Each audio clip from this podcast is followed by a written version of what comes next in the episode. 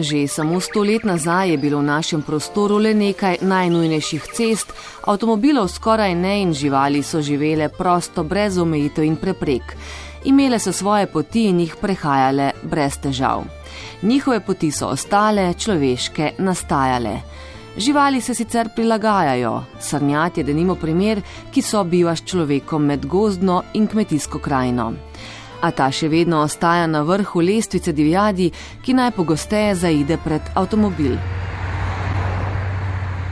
Boštjan Pokorni je pomočnik direktorja Inštituta za ekološke raziskave Eriko iz Velenja in dekan Visoke šole za varstvo okolja.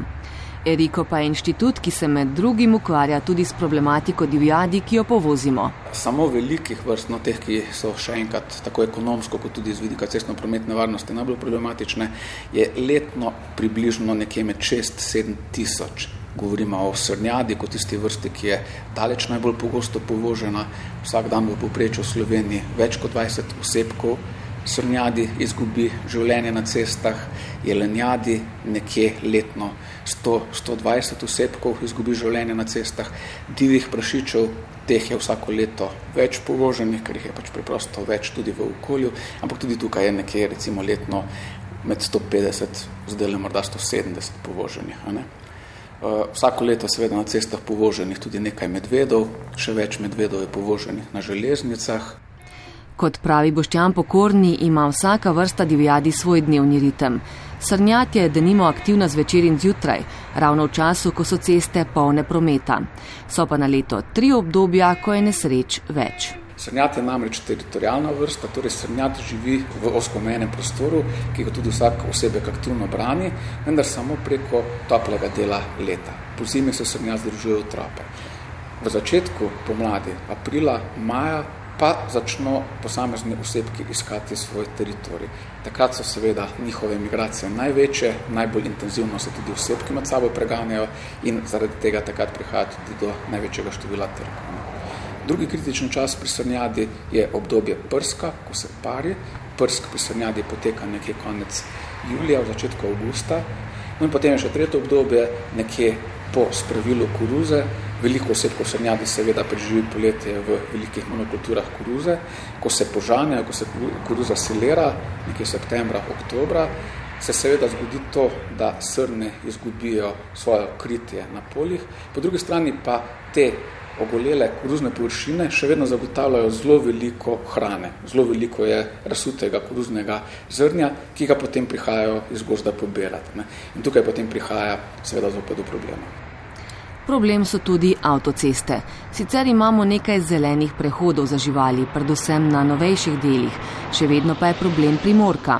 Imamo pa na avtocestah ogromno drugih premustitev, kot so mostovi, podvozi, viadukti.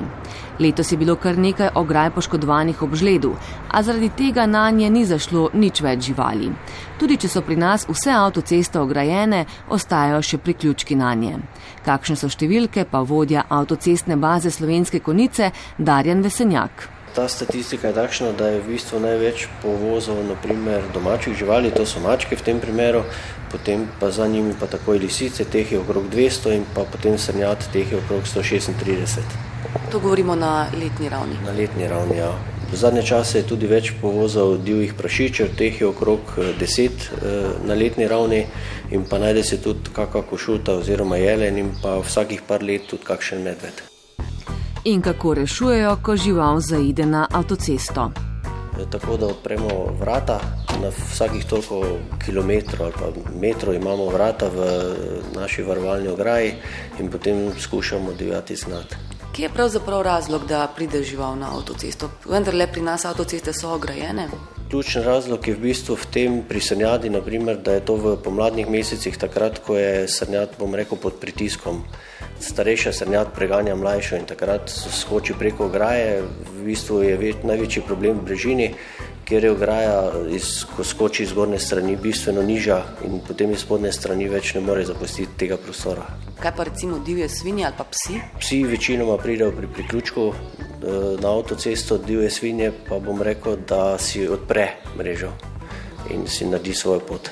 Glede na to, da so tudi mreže postavljene tako, da niso vse posod vidne, imamo tudi probleme, da včasih do to mrežo ukradene. Kot pravi Darjan Vesenjak, tudi na avtocestah ponekod uporabljajo zvočna in kemična odvračala. Ta je preizkušal prav inštitut Eriko, ki je leta 2004 po naročilu Direkcije Republike Slovenije za ceste začel pripravljati strategijo za reševanje problema povoženih živali. Preizkušali smo učinkovitost kemičnih odvračal, svetlobnih odsevnikov in pa zvočnih odvračal. Najbolj učinkovite so se pokazale slednje. Gre za naprave, ki so nameščene neposredno v obcestne stabiličke, te bele, tako imenovane konfine, smernike, in imajo elektroniko z senzorji. Ko se pripelje v vozilo, za svojimi žarometi ali pa hrupom prek senzorjev aktivira napravo, ki začne v tistem trenutku dajati za živali moteči zvok visokih frekvenc. V tem trenutku je seveda na nek način cesta za prosto živeče živali neprehodna, ta zvok predstavlja bariero.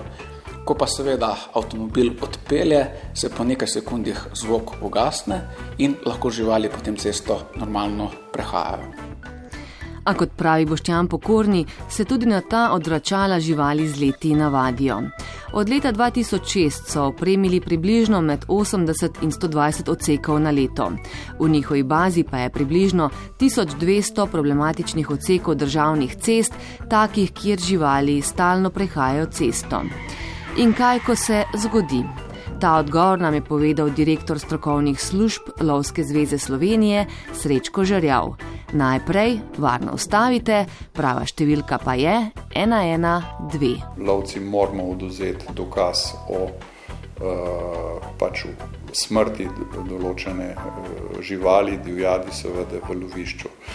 Kar je bistveno, je, da uh, se ne približujemo tej živali, tudi če je mrtva, Namreč eh, obstaja precejšen sum, da gre za bolano žival in da seveda vsak stik eh, za njo precej nevaren, namreč obstaja kar nekaj zoonos, to so bolezni, ki se prenašajo živali na ljudi in so lahko tudi precej uh, hude posledice.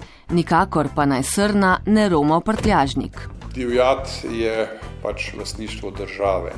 Eh, lovci zgolj upravljamo z, z lovišči in seveda z divjadjo in eh, ta postane naša laša, le ko jo uplenimo, seveda, če jo uplenimo.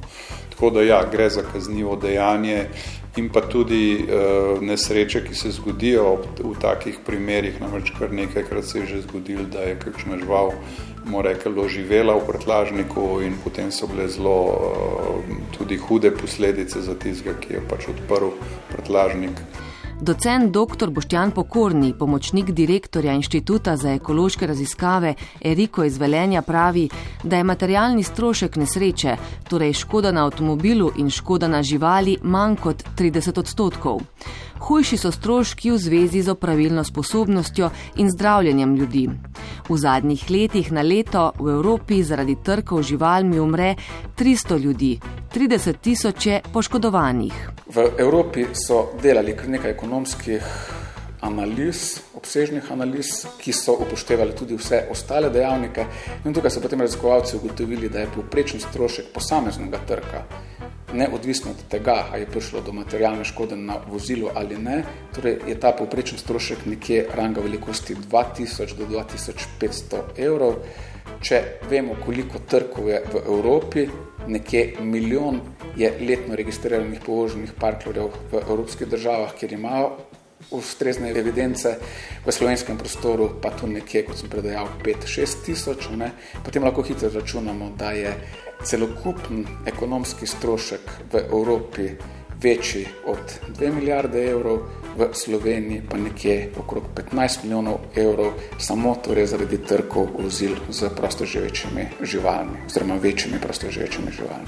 Za konec še primerjava Slovenije in tujine, kje smo na področju števila povoženih živali. Nemčija konkretno ima vsako leto tam okrog 230 tisoč registriranih mrtvih živali, povoženih živali, torej samo parklarjev, govorim predvsem srnjadi, nekaj divjih vršičev lenjadi na cestah.